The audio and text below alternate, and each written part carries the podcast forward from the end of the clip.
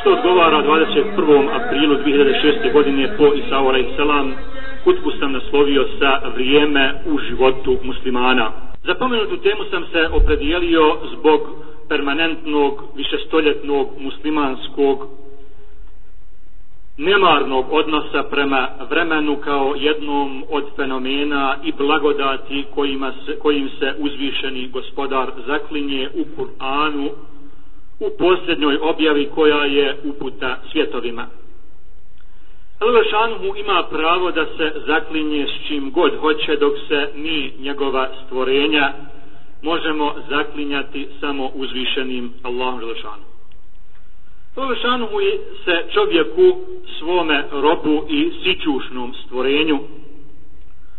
u suri Al-Asr zaklinje vremenom pa kaže billah vel asr إن الإنسان لفي خسر إلا الذين آمنوا وعملوا الصالحات وتواصوا بالحق وتواصوا بالصبر Tako mi vremena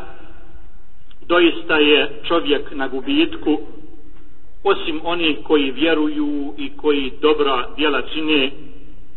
i koji međusobno preporučuju istinu i koji međusobno preporučuju strpljivost. Prološanu nakon zakletve vremenom u citiranoj suri potvrđuje da su svi ljudi na gubitku, a potom izuzima one koji imaju četiri svojstva. To su na prvom mjestu oni koji vjeruju, zatim oni koji nakon vjerovanja, čvrstog vjerovanja, to svoje vjerovanje posvjedoče činjenjem dobrih dijela, zatim koji nakon toga međusobno preporučuju istinu. Ne, ne preporučuju istinu drugima, oni lažu, već međusobno jedni drugima preporučuju istinu i to su oni koji međusobno preporučuju strpljivost, odnosno to nisu oni koji drugima govore da budu strpljivi, a oni to nisu. U ovoj kratkoj suri, u ova tri kratka ajeta, Allah mu donosi pravila koji ako se vjernici budu pridržavali, oni će biti spašeni i bit će od onih koji su sretni na oba dva svijeta. Braće i sestre, prostudirajmo ovu kratku suru koja i pored svoje kratkoće ima mnogo poruka i ima mnogo značenja. Imam Šafija za suru El Asr kaže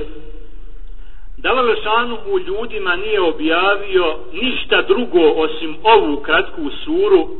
ona bi im bila dovoljna kao kodeks ponašanja u dunjalučkom životu. A navode Ibn Abi Hatim i Ibn Kesir da su ashabi prilikom susretanja jednih s drugima učili suru El Asr da se podsjete na važnost vremena, odnosno na važnost ove četiri stvari koje su spomenute u ovoj suri.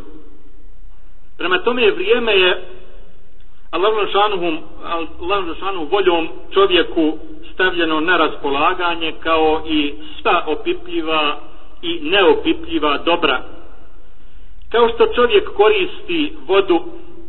hranu, prostor za kretanje i svoje življenje, tako čovjek koristi i vrijeme tu nevidljivu i neopipljivu veličinu,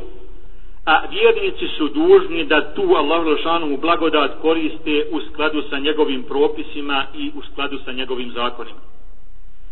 Jedan od predznaka sudnjeg dana je da će ljudi osjećati da vrijeme prolazi sve brže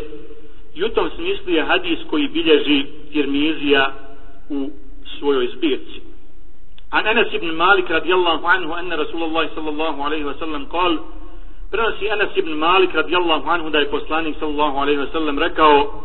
لا تقوم الساعة حتى يتقارب الزمان فتكون السنة كالشهر والشهر كالجمعة وتكون الجمعة كاليوم ويكون اليوم كالساعة وتكون الساعة كالضرمة بالنار neće nastupiti sudnji dan sve dok ne nastupi kratkoća u vremenu, pa godina bude trajala kao mjesec, mjesec kao sedmica, sedmica kao dan, dan kao sahat, a sahat isto kao varnica. U pojašnjenju ovog preznaka ima nekoliko mišljenja, a najprihvatljivije je da se time misli na smanjenje bereketa u vremenu. Ahmed ibn Ali ibn Hajar al-Asqalani koji je živio od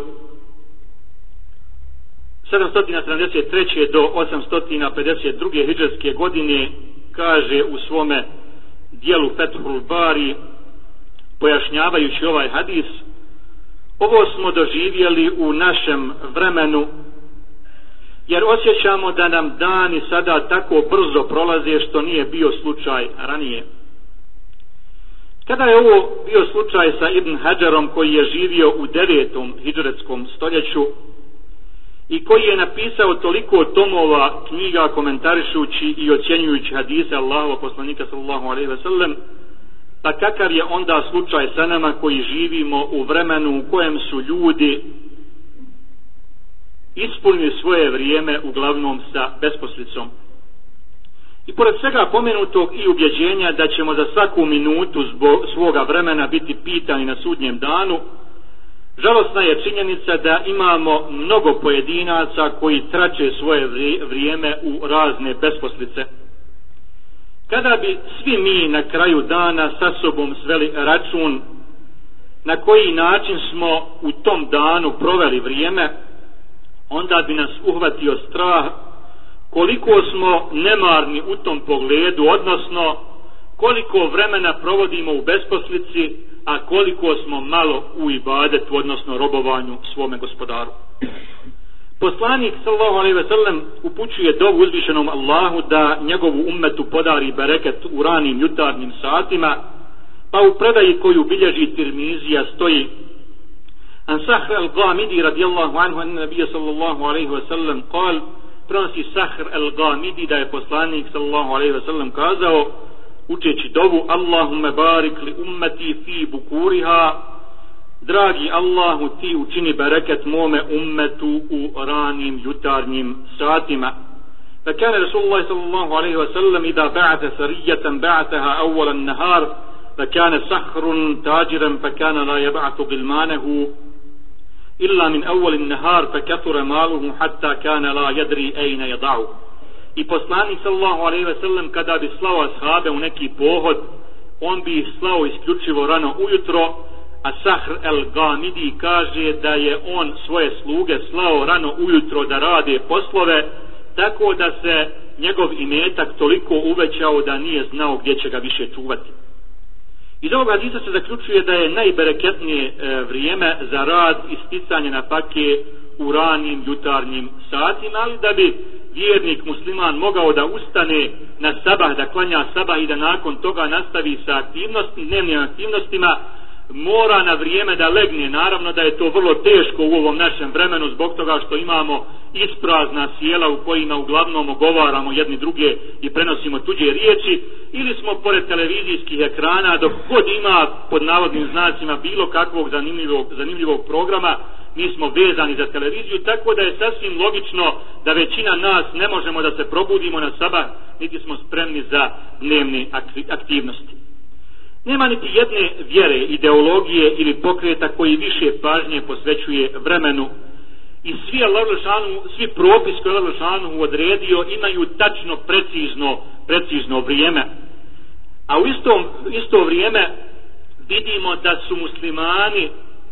možemo slobodno da kažemo, najnemarniji na Dunjaluku danas od svih naroda, najnemarniji u pogledu vremena. Kada hoćemo da navedemo primjer kako je neko nemaran u životu, onda kažemo da je bošnjak musliman. Ili općenito musliman. Žalosno je da kada hoćemo da kažemo kada je neko precizan u nečemu, da je on švajcarac, da je njemac, da je amerikanac ili da je, da je zapadnjak. A u stvari trebalo bi da bude obrnuto i trebalo bi u našim životima da govorimo vidi ga kako je precizan i kako je odgovoran jer je to, jer, jer je to musliman ja se nadam inšala da će ova generacija bošnjaka, muslimana, ove naše omladine, koja stasa u islamu bez imalo kompleksa, da će ona inšala biti ta generacija u koju, će, u koju, koju će se upirati prstom i govoriti da su to oni precizni, pravi muslimani koji vode, koji vode računa o vremenu kao Allah Lešanu blagodati. Od preznaka sudnjeg dana je približavanje vremena što potvrđuje predaja koju bilježi, bilježi Ebu Davud, gdje stoji a, ovaj hadis e, prenosi Ebu Hureyre radijallahu anhu, gdje Muhammed Islam govoreći o preznacima sudnjeg dana kaže je takarabu zaman ve jankusul ilm ve tadharu fitanu ve yulqa šuha ve jaksuru harž qila ja Rasulallah ajetu huva kale e, al qatlu al qatl približit će se vrijeme smanjit, smanjit će se znanje rasprostranit će se razrad pojavit će se škrtost među ljudima i povećat će se heređ pa bi rečeno a šta je to heređ u Allahu poslanića on odgovori to je ubijanje ubijanje ljudi. Ja sam u uvodnom dijelu naveo ovaj hadis malo duži hadis na arapskom jeziku tako da ću ga samo sada prevesti hadis bilježi Buharija. Prenos je Abu Hureyre radijallahu anhu da je poslanik sallallahu alaihi ve sellem kazao neće nastupiti sudnji dan dok se dvije vojske ne budu međusobno sukobile to će biti velika borba, njihova ideologija, odnosno njihova vjera će biti ista. I dok se ne pojave lašci njih oko 30 koji će tvrditi da su Allahovi poslanici, i dok se ne podigne znanje, ne učestaju zemljotresi, dok se ne približi vrijeme, ne poveća razvrat i dok se ne umnoži herež, odnosno dok se ne bude povećalo ubijanje ljudi. I dok se ne poveća imetak toliko da će bogataši imati problem kome će dati svoju sadaku, pa će imućni ljudi ponuditi sadaku i takvom imućnom čovjeku će onaj kome je ponuđena sadaka reći nemam potrebe za njom. I dok se ljudi ne budu natjecali u gradnji velikih kuća i dok čovjek ne prođe pored kabura drugog čovjeka i ne kaže kamo sreće da sam ja umjesto njega i dok se sunce ne pojavi sa zapada a tada neće koristiti vjera onoga ko nije vjerovao prije toga, pa je poslanik sallallahu alejhi ve sellem proučio 150 dio 158. ajeta sure El-An'am, niti jednom čovjeku neće biti od koristi to što je što će tada vjerovati ako prije toga nije vjerovao. I sudnji dan će nastupiti, a dvojica ljudi će imati rašireno platno koje niti će pazariti, niti će ga stići smotati i nastupit će sudnji dan, a čovjek će nositi mlijeko deve muzare i neće ga uspjeti popiti. I nastupit će sudnji dan, a stoka će doći do korita i neće se uspjeti napojiti. I nastupit će sudnji dan, a čovjek će prinijeti zalogaj svojim ustima i neće ga uspjeti pojesti. Braćo i sestre, čuvajmo vrijeme tu Allahom blagodat i budimo svjesni da je Dunjaluk ahiretska njiva, pa zato treba dobro da pazimo šta ćemo na toj njivi zasijati, jer plodovi sa te njive će se ubirati na budućem svijetu. Na kraju molim Allah Žešanu da nas učesti na putu Islama, molim Allah Žešanu da ne dozvoli da pod tegobama pokleknemo, da nas Allah Žešanu učini sigurnim za veličanje njegova imena, da nas Allah Žešanu učini od onih koji e, čuvaju svoje vrijeme kao Allah Žešanu blagodat, da nam bude milosti na sudnjem danu i da nas uvede u džennete, u društvu sa poslanicima, šehidima i sa dobrim ljudima. Inna dina inda Allahi